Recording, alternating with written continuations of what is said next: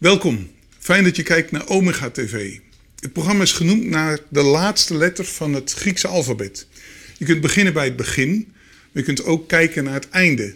Waar gaat het naartoe in de reis van leven en geloven?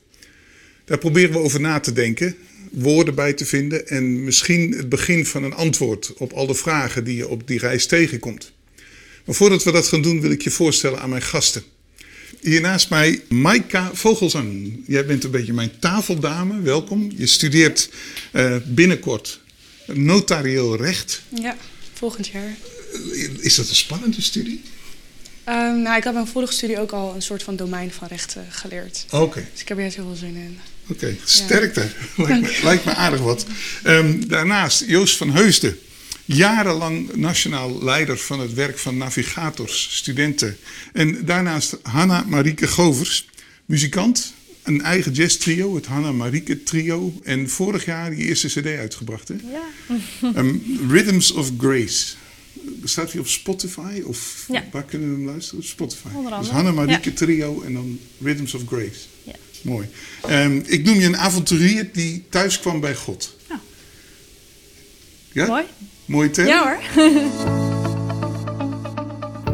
We hebben het verhaal van Hanna opgenomen en je kunt het bekijken in de Omega Box en op ons YouTube kanaal. Maar voor wie het interview niet gezien heeft, geef ik even een korte samenvatting. Stel je voor, je bent christen, maar in je studietijd begin je te zoeken naar vrijheid en avontuur. Je gaat spelen in een band en je komt in een wereld waar alles kan en mag. Je wordt makkelijker met jongens en met seks. Tot op een bepaalde hoogte geeft het een gevoel van liefde en bevestiging en toch vervult het niet. Op een gegeven moment ervaar je Gods liefde en kies je opnieuw voor God. Maar dan ervaar je dat de strijd dan pas echt begint. Hey, ik hoor jou op een gegeven moment in het verhaal zeggen: ik was op zoek naar liefde. Mm -hmm. Wanneer was je daar nou achter dat dat was waar je naar op zoek was? Oh, ik denk achteraf pas. Okay. Het was niet dat ik dacht, ik ga eens op zoek naar liefde. Uh, nee, ik denk dat ik dat achteraf pas misschien een keer op die conferentie of daarna een keer dacht van ja, eigenlijk wilde ik gewoon geliefd worden. Ja. Hoe zou je het hebben genoemd als ik je die vraag toen had gesteld? Waar je naar op zoek was? Ja, misschien avontuur of uh, ja. Oh ja, ik kan me moeilijk nog echt heel erg inleven. ja. Vrijheid, avontuur in die sfeer? Ja, zoiets. En um, uh, je, je, je hebt in dat, die laatste paar zinnen die je zong, uh, I found my dignity, my identity in you. Mm -hmm. um, ben je er nu helemaal uit? Wie je bent? Uh, dat je de liefde gevonden hebt? Nou, er is in ieder geval wel echt een basisrust in mij gekomen. Dat ik blij ben met mezelf. Dat ik weet dat ik geliefd ben door God, door mijn man. Mm -hmm. Daar zit wel, uh, ik weet niet alles. Uh, mm -hmm. ik groei ook nog als mens natuurlijk. En ik ontdek ook steeds meer wat mijn um, talenten zijn of waar ik wel en niet goed in ben. Maar um, ik heb wel een soort van basis van Mhm. geliefd zijn. Want ik zei net, een, ik noemde je een uh, avonturier die thuis kwam. Ja, En bij thuis zit een soort van, oké, er, is, Ja. er is iets tot rust gekomen. ja Klopt dat, is waar. Ja, heel erg. Ja? Ja. En, en eh, kun je er iets meer woorden aan geven? Waar, waar, waar zit hem dat in? Of waar gebeurde dat? Eh, ja, als ik terugdenk aan die tijd. Ik weet gewoon dat ik me de hele tijd onrustig voelde. Dat, het, dat niks nooit genoeg was. Dat ik altijd bezig bleef, altijd om me heen bleef kijken. een soort fear of missing out? Ehm, ja, oh ja, dat associeer ik met wat anders. Maar, eh, Ja, nee. maar wel een soort van. eh, ja, altijd een soort van niet genoeg hebben aan, aan liefde, aan eh, ja, bevestiging. Aan, en nu heb ik genoeg, zeg maar, en ga ik vanuit daaruit dingen doen of zo. Mhm. Ja, dus ik ben wel anders, rustiger en. Ja, ik hoef mezelf niet meer te bewijzen of zo, ook dat. En aan het begin had ik het, de indruk dat je ehm, dat geloof wat je ouders zo belangrijk vinden, hè? je vader die je op een gegeven moment weer Ja. probeert te porren naar die 18 plus, Ja. dat jij dat geloof toch op een bepaalde manier beleefd als, be- beleefde als beperkend Ja. voor het avontuur. Ja.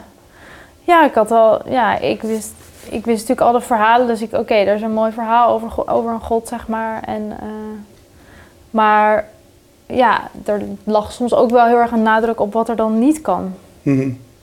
Ehm, en ja, als tiener spreekt je dat natuurlijk niet zo heel erg aan. Van, nou, dit kan allemaal niet. Dan denk je, oké, eh, waarom niet? Ja, ja, dus dat, dat gevoel had ik Maar die- en nu ben je thuisgekomen juist een beetje door dat geloof in God. Ja, Hoe, hoe ervaar je het nu? Is het beperkend?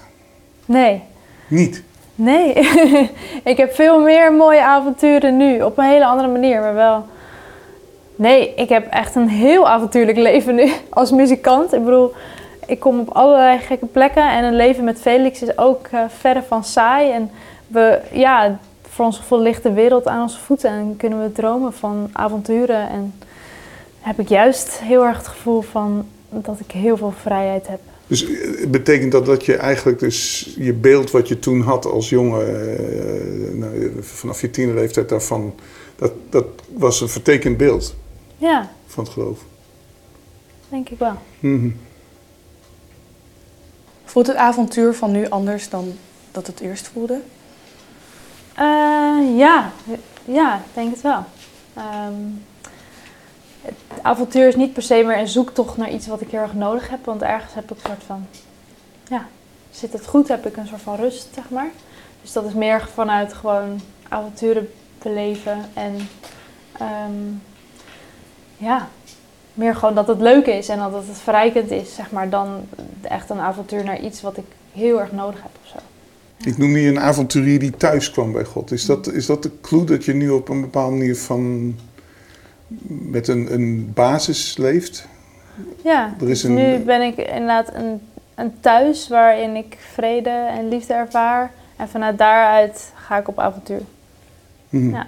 Wij en ik ook zelf als muzikant. Herken jij die zucht naar iets eh, waarom je avontuur Ja. zoekt? Of, ja, dat herken ik wel. Ik denk dat veel studenten zich daarin herkennen die christelijk opgevoed zijn.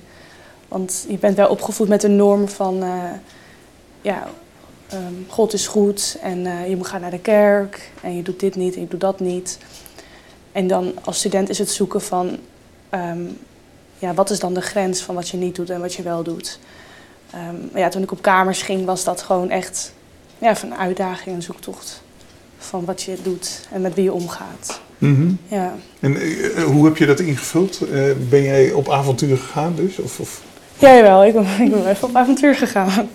Eh, je, gaat, je, je wilt de ultiem- ultieme student zijn. Dus je gaat op zoek naar feestjes en je gaat eh, wat meer drinken. En eh, ja, andere mensen zoek je op van je studie die heel anders in het leven staan. Die eh, kritisch kijken naar bepaalde dingen. En ehm, ja, het geloof dan iets anders vinden van dat kan toch helemaal niet. Als je dat naast de wetenschap legt. Ehm, dus dan ben, je er ben ik wel even van het pad afgegaan. En even, ja, figuurlijk en letterlijk, denk ik, als je het zo zegt. Mhm. Ja, en dat was een zoektocht. Dat eer- vooral het eerste jaar van studeren. Dat was Ja, twee jaar geleden, jouw eerste jaar? ja Midden één in jaar COVID? geleden. Ik zit dan nu nog in mijn tweede van studeren. Maar dat was wel midden in COVID. Ja, het was midden in COVID, ja. Dus je kon ook, ik zat wel aangesloten bij een christelijke studentenvereniging. Maar daar kreeg je niet heel veel van mee, omdat er gewoon niks ging door. Nee. Dus dan moest je het zelf echt gaan opzoeken. En dat zocht ik dan bij ja, een andere hoek op dan, eh, dan daar. Ja, en toen COVID af was gelopen, Mhm. toen kwam ik weer in de bubbel van, eh, van de christelijke studentenvereniging. En gingen die, eh, kreeg ik opeens mensen te horen en te zien die super gepassioneerd waren over het geloof. Maar ook, ehm, er waren ook super grote feesten. Dus toen zag ik hoe dat dan gecombineerd kon worden. En dat bracht mij denk ik wat meer dan weer op het goede pad met God. Ja. Wat vonden de oude, andere oude vrienden? ik bedoel, die, de, zeg maar even de mensen die niet in die christelijke bubbel zitten. Wat vinden die, vonden die van je? eh, ja, die vonden het saai. Ja. Saai? Ja, die, ja die, noem, die noemen me nog steeds soms wel saai. Want ja, het stereotype van, van een gelovige iemand is toch wel ehm wat ouderwets, wat oudbollig. En Niks mag. ja, niks mag. En ehm, je moet naar de kerk. En ehm, mag, je, mag je überhaupt wel een wijntje bij het eten? En ehm, ja, dat je gewoon heel braaf bent. Dat is het stereotype. Dus Maar dat, Dat- ben je ja. toch ook? Ja, dat, dat wil ik niet zijn, braaf. Dat klinkt gewoon heel saai en niet hoe. ehm, nee, ik zou mezelf niet braaf noemen. Nee. Waarom niet? Nou, omdat ik toch nog wel eh, het leven van een student wil hebben en meemaken. En dan vind ik het dus nog wel moeilijk om te kijken hoe dat met God is. Ehm, want ja, ik wil dus niet braaf zijn, maar ik wil ook God in mijn leven hebben. Dus ja, ik, kijk, ik moet nog kijken hoe dat dan invulling kan krijgen. Dat is wel echt een zoektocht, merk ik. Ja, ik zit er nog in, denk ik. Ja, ja. En Joost, jij, jij bent ooit student geweest? Ja, heel lang geleden. Ooit jong geweest ook? Ook, ook, ja. Is enigszins herkenbaar iets in deze verhalen? Of? Jawel, jawel. Voor, voor mij is denk ik, eh, nou ja, sowieso, eh, ik ben ook in een christelijk gezin opgegroeid. En wel met, eh, ik, ik denk dat mijn ouders wel geprobeerd hebben me echt eh, te helpen geloven dat God veel van mensen houdt. En dus ook van mij persoonlijk. Maar de afdronk van de opvoeding was toch ook wel dat ik het idee had van, ja, als christen mag je allerlei dingen niet. En God is dan vooral bezig om dat een beetje eh, te controleren, zeg maar. Of je wel de, de goede dingen wel doet en de slechte dingen niet doet. Ja, dat heeft mij eigenlijk gewoon eh, totaal niet, eh, niet geholpen. Dus eh, eh, waar ik al vrij snel in mijn leven verslaafd ben geraakt aan gokken dan in mijn tienertijd al. En ik dus allerlei keuzes ging maken waarvan ik wist van ja, dit is echt niet goed. Eh, eh, liegen erbij, stelen erbij, de hele rattenplan. Eh, creëerde dat een soort dubbelheid van ja, ik wil wel iets met God, maar ik denk misschien diep van binnen een steeds grotere overtuiging dat hij niet zoveel met mij wilde of niet met mij kon. Omdat ik gewoon nou ja, een beetje een bende van maakte in een bepaald deel van mijn leven, wat natuurlijk ook niemand mocht weten. Ik was hartstikke bang voor een stuk afwijzing als mensen erachter zouden komen. Dus pas veel later ben ik gaan reflecteren in gesprekken met mensen van ja, waar was ik nou ten diepste in die tijd misschien al naar op zoek? Dat ik dan dus op een plek ging zoeken die op een bepaalde manier heel avontuurlijk en spannend was. Ik bedoel, als je aan het gokken bent of later in het casino, je krijgt er echt ook eh, een vette kick van. Ik in ieder geval wel. Maar het heeft me niet verder gebracht, uiteindelijk. Het heeft me niet eh, vrijer gemaakt. Of, eh, uiteindelijk had ik gewoon een heel negatief zelfbeeld na jaren van eh, worstelen met verslavingen. En dat, eh, ja, dat is er ook niet zomaar meer uit. Ook niet als je met God leeft. Dus, Nou, eh, en, en nu zit je hier en je, je, je bent een redelijk verstandige, ja, er zijn mensen die dat denken. Ja. volwassen man geworden. Ergens is het goed gekomen. Wat is er gebeurd? Ja, nou, een van de dingen die mij denk ik het meest geholpen heeft, waar ik echt een soort kentering zie in mijn eigen proces, is toen ik eh, ontdekte dat ik wel over deze moeilijke dingen kon praten. Dus niet alleen over de mensen. Sommige mensen wisten wel dat ik gokte. Dan deed ik gewoon altijd alsof ik won. En ze wisten niet dat ik ook veel verloor en dat ik ook geld stal en eh, dat ik eigenlijk eh, heel, heel, dat het heel negatief was van binnen. Omdat ik mezelf natuurlijk niet een fijn mens vond met alles wat ik deed. Dus ik denk voor mij het begin van verandering zit hem in het met een paar mensen erover durven praten. Dat dit speelde in mijn leven en ervaren dat ze geïnteresseerd in me waren, dat ze me niet veroordeelden, dat ze me wilden proberen te helpen. Ehm, dus eigenlijk, dat, dus alles waar ik bang voor was, van dan is het gewoon, eh, ja, dan word ik afgewezen. Dat werd eigenlijk niet bevestigd. En wat er eigenlijk gebeurde is dat mijn relatie met mensen hechter werd. En dat heeft, eh, dat, dat heeft ruimte geschapen. Nette christelijke mensen. Eh, Nee, in mijn geval juist niet. Nee, de eerste keer was in een kroeg met... eh, En toen had ik zelf aardig wat bier op, wat hielp om wat losser eh, te zijn. Eh, en, de, en deze gast die, die had zelf ook eh, gokverslaving in zijn verhaal zitten. Dus, dus de identificatie met hem was heel makkelijk. En, en hij was vrij van oordeel, omdat hij wist hoe taai het was als je hier uiteindelijk mee worstelt, zeg maar. En het tweede echte gesprek wa- was met een gast die wel eens eh, wakker werd op plekken en dat hij niet meer wist hoe hij daar kwam. Dus die, eh, die leefde ook een vrij leven. Naast het feit dat hij echt een verlangen had met God. En dat was nog niet helemaal met elkaar geïntegreerd. Dus ik, kom, ik voelde me eigenlijk heel veilig bij hen, juist omdat zij het nog niet zo op orde hadden. Eh, ja, later heb ik wel mensen leren kennen die ik leerde vertrouwen, die als, als een soort gids konden functioneren. Maar deze, deze eerste buddies of reisgenoten waren gasten die zelf ook nog midden in de zoektocht eh, zaten. Ja, maar, en, en dan is er aan de ene kant, je bent behoorlijk ontspoord eh, op een zoektocht. Hè, eh, en wat is er nou dat je ge- gezocht hebt en ergens toch gevonden hebt? Herken je dat wat Hanna zei? Eh, Jij noemde het, ik was op zoek naar liefde. Is dat het? Eh, Ja, ik denk wel, ik denk voor mij een heel belangrijk eh, Bijbelvers in mijn studententijd, in deze jaren van langzaam veranderen of, of eh, meer worden zoals ik mag zijn of weet ik veel. Dat, dat staat in Romeinen, daar staat er is geen veroordeling voor hen die in Christus Jezus zijn, of even platgeslagen, die bij God horen. En dat vers was zo belangrijk, omdat ik eigenlijk door dat vers erachter kwam hoeveel veroordeling er in mij zat. Omdat ik al jarenlang allerlei dingen deed waarvan ik geloofde, ja, dit is inderdaad niet handig. En daar loog ik ook nog over na. Kan je misschien iets eh, bij voorstellen. Dus, en die, die het gaan ervaren dat God mij echt niet veroordeelt, dat hij echt van me houdt. En gewoon bij me blijft, ook al kies ik niet voor hem, of, of laat ik hem weer los, of val ik weer terug in oude patronen, of wat dan ook. Dat heeft, denk ik, dat is eh, ja, voor mij een soort belangrijk medicijn geweest in dat gif wat er dan in mij verzameld was in die jaren zonder hem een beetje. Ehm, en dat ervaren van die liefde, dat ja, gaat een beetje schoksgewijs of zo bij mij. Dus ik heb sommige hele bijzondere momenten met hem gehad, maar het is, het is ook een continu proces van zijn eh, ja, gewoon mensen die hij om me heen gaf, die gewoon van me zijn blijven houden. En eh, met wie ik ook eh, mooie dingen mocht gaan doen in plaats van alleen maar proberen eh, de ingewikkelde dingen niet te doen. Dus voor mij is het avontuur gaandeweg steeds meer gaan zitten in wat mag ik betekenen voor anderen. En dat kan ook rauw en ruw en spannend zijn, zeg maar, als je echt eh, dingen gaat doen. En iets minder dat avontuur dus vinden op plekken waar het ja, misschien niet, eh, niet helpend is, zeg maar. Ik hoor bij jullie alle drie dus eigenlijk wel dat, dat hè, bij jou waren het een aantal individuele mensen die eh, heel eerlijke vragen stelden. Bij jou de ontmoetingen met mensen die eh, nou, ook redelijk eh, wiebelig waren, maar wel een andere zoektocht hadden. Bij jou de Christelijke Studentenvereniging, op het moment dat je daar weer naar binnen mocht, COVID voorbij was, dat dat toch een enorme houvast biedt in die zoektocht. Mensen zijn dus ontzettend belangrijk, voorbeelden. Waar zit hem dat in? Is dat alleen maar, eh, ja, zoals jij zei, stelletje eh, gebroken mensen bij elkaar, laat ik het zo netjes zeggen? De herkenning daarvan? Ik denk dat ehm, gewoon ieder zijn eigen weg heeft. En ehm, elke andere weg kan, heeft mij dan geholpen in het begrijpen van dingen die ik in mijn leven had. Van zij hadden dat meegemaakt.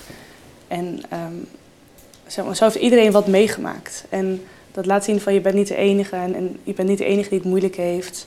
Want wat ik ook afgelopen jaar heel erg merkte was dat ik, dat ik het wel gewoon soms moeilijk vond om God te zoeken en ehm, hem nog te, prioriteit te houden in mijn leven.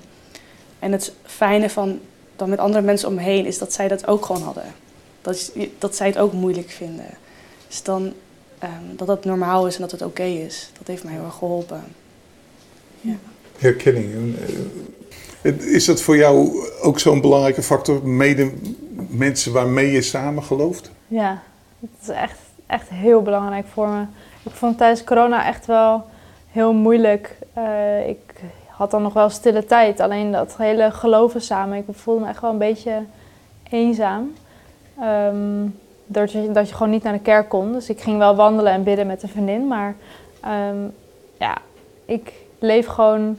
De muziekwereld is best wel soms een harde wereld. En er, ja, er gebeurt van alles. En het is gewoon super fijn elke zondag naar de kerk te gaan en echt even opgebouwd te worden. En ook weer even perspectief op dingen te krijgen en kracht en zo te ervaren. Dus eh, ik heb het wel heel erg nodig. Ja, Mhm. Andere mensen. En Joost? Ja, voor mij zijn het broederschap, zeg maar, wat ik heb met wat van mijn vrienden of de jongens met wie ik regelmatig bid, dat is echt, eh, in mijn leven nu is dat echt super belangrijk. En het verstevigt gewoon de basis van mijn leven en mijn geloof. Natuurlijk ook samen met Josephine, mijn vrouw. En, eh, ja, en als ik terugkijk naar die, naar die tijd, zeg maar, in mijn studententijd, dan... Ja, ik werd een beetje getriggerd door wat jij zei. Dat dus veel christelijke studenten, als ze gaan studeren, met die vraag leven van wat mag wel, wat mag niet. En wat is de grens? En ik dacht, ja, dat is, ik, ik vind het zo jammer dat dat de, de leidende vraag is. Want volgens mij is de belangrijkste vraag, wie is God? Is hij werkelijk, weet je wel, liefdevol en goed en vol avontuur en allerlei dingen? En wie ben jij? En juist door de, de mensen die ik leerde kennen in mijn studententijd, als ik deelde over mijn gedrag waar ik dan heel erg van baalde of wat dan ook, ontdekte ik, ze waren nieuwsgierig in, maar, maar wie, wie ben je nog meer dan dat? En uh, wat zijn je verlangens? En uh, wat heb je nodig? Dus ze waren heel erg op mij gericht en niet zozeer op mijn gedrag. En daarin zijn ze een soort spiegel geweest. Of, of een, een, beeld, of ik weet niet hoe je dat moet noemen, waardoor ik langzaam ben gaan ontdekken dat God veel meer zo is. Dat hij geïnteresseerd is in mijn hart. En uh, dat hij, als, als ik het verlang om het goede te doen, ook al lukt het niet, dat hij dan niet zit te balen, maar dat hij gewoon blij is dat ik er naar verlang. Dus heel die, die, die vraag van grenzen, ik snap het natuurlijk wel. En je kan ook echt keuzes maken die dom zijn en die gewoon schade doen. Maar het is eigenlijk een verkeerde vraag. Maar het heeft toch ook te maken met hè, die studenten die komen in dat studentenleven. Dat, is de, dat moet de tijd van je leven zijn. Ja. Je moet het onderste uit de kan halen. Dus dan ga je ook op zoek. Hoe ver gaat dat eigenlijk? Nee, dat snap ik wel. Maar stel, dat, stel dat dat inderdaad een zoektocht is... waar de een wat aan de voorzichtige kant blijft... en de ander misschien uh, wat onvoorzichtiger is... of zelfs keuzes maakt die echt uh, onverstandig zijn. Uh, gaat het gesprek dan over de norm en over dat gedrag? Of gaat het gesprek over... hé, maar hoe is dat voor je? En wat denk je er nu achteraf over? Of uh, wat voor gevoelens blijf je mee zitten nu je dit hebt gedaan of nu je dat niet hebt gedaan? Want dan ga je op, voor mijn idee op het juiste niveau met elkaar in gesprek. En dat is denk ik een van de dingen die ik super gaaf vond aan mijn studententijd. Dat ik dus mensen heb leren kennen die nu nog mijn beste vrienden zijn, 20 jaar later. Met wie we zulke gesprekken zijn gaan voeren. En waardoor ik ook langzaam ben gaan ontdekken dat dat eigenlijk het gesprek is wat God met mij wil voeren. Mm. He, want uh, in, in, het begin van de Bijbel staat dan dat Adam uh, en Eva een domme keus maakt. Ja, God vraagt ze niet, wat hebben jullie gedaan? Maar hij vraagt, waar ben je? Met andere woorden, hij zoekt weer die relatie. Nou, die, dat is voor mij echt een... een, een uh, ja. En tegelijkertijd, als ik jullie dan hoor, en dat herken ik zelf natuurlijk ook helemaal... hoe hard je elkaar nodig hebt als, als mensen die ook op die weg achter Jezus aanzitten... Um, is het dan iets van mij, van jullie persoonlijk, dat geloof? Of is het ook iets van, ik, ik leun eigenlijk vooral op de groep? Ja, ik denk wel dat uiteindelijk dat heel erg van belang, van belang is. Maar ik moet zeggen dat ik op dit moment nog wel heel erg meevaar met gewoon het ritme van mijn dispuut en hun uh, kracht van het geloof. Mm -hmm. Dat ik mm -hmm ik heb nog zoveel vragen in mijn uh, persoonlijke geloof dat ik dan die wil ik allemaal nog stellen en die wil ik allemaal nog um, ik wil nog allemaal andere mensen nog horen over hun geloofsleven dat ik ik, ik dat ik me moeilijk vind in mijn eentje ja ja, ja. Dus het is maar goed dat ja het is goed dat ik het nu heb in mijn fase ja. van mijn leven ja ja ja, ja, ja. tot slot hè, wat is nou echt vrijheid voor jou uh, in het algemeen? Ja, dat, dat vind ik heel moeilijk. Ik ben echt nog in mijn zoektocht in um, hoe kan ik leven met God en wat zijn de grenzen hoe ik kan leven met God.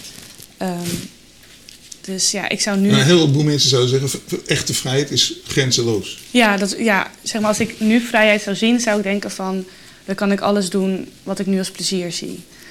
Um, dus dat houdt in gewoon feesten en um, gewoon echt genieten van het leven. Alleen ja, hoe ik dat met God doe, dat vind ik dan nog moeilijk. Wat, want ik krijg nog niet een heel helder beeld van. Um, ja, dat, is, dat kan je beter niet doen. Mm -hmm. ja. Mm -hmm. dus, dus misschien is het wel zo dat uh, met God leven is niet synoniem voor echte vrijheid. Niet de vrijheid die ik nu in gedachten heb, nee. Die, Nee, de, die de vrijheid wereld die grenzeloos is. Ja, ja. Dus ik, ik denk wel dat er met God een ander soort vrijheid is. Maar die vrijheid ervaar ik op dit moment denk ik nog niet. Oké, maar en, en wat zou dan die ander soort vrijheid zijn, denk je? Ja, dat ik van Hanna dan hoor en van jou ook. Dat, dat het eh, meer rust geeft en dat je die dingen niet meer opzoekt of nodig hebt. Oké. Ja. Ja, ergens voel ik me juist, ja, ehm, al die andere dingen opzoeken waar de hele, hele wereld soort van je naartoe trekt, zeg maar. Juist dat ik daar vrij van ben, dat ik dat niet nodig heb, dat ik dat niet eh, hoef. Ik voelde me juist eigenlijk heel erg gebonden, omdat ik, omdat toen ik er echt in zat, had ik echt het gevoel dat ik ehm, de bevestiging van andere mannen bijvoorbeeld echt nodig had. Ik kon niet zonder. De- Juist voelde me daar juist echt gebonden aan, zeg maar. En nu voel ik me juist vrij. Ehm, Hey, we- we- dank jullie wel voor dit mooie gesprek. Ik zou het heel mooi vinden als, we, als een van jullie wil bidden. Zou, zou jij willen bidden voor al die mensen die kijken, die ook zo misschien aan het avonturen zijn en aan het zoeken zijn? Is goed? Ja, laten we dat doen. Lieve Vader in de hemel. Heer, eh, u weet alle woorden die zijn gezegd vandaag, maar eh, u weet ook wat in de harten en in de gedachten omgaat eh, van de mensen die kijken. Ja, en ik wil u echt vragen om daarbij te zijn, om, om antwoorden te geven, maar ook vooral ehm, ja, te laten zien wat voor avontuur het leven met u is. Heer, dat het geen leven van eh, beperking, eh, dat dat niet in grondslag ligt, maar dat een leven van vrijheid en eh, liefde en vrede met u het allermooiste is. Ehm, dat vraag ik u in Jezus' naam. Amen. Dankjewel. Dankjewel voor het kijken en ik hoop tot ziens bij een volgende Omega TV.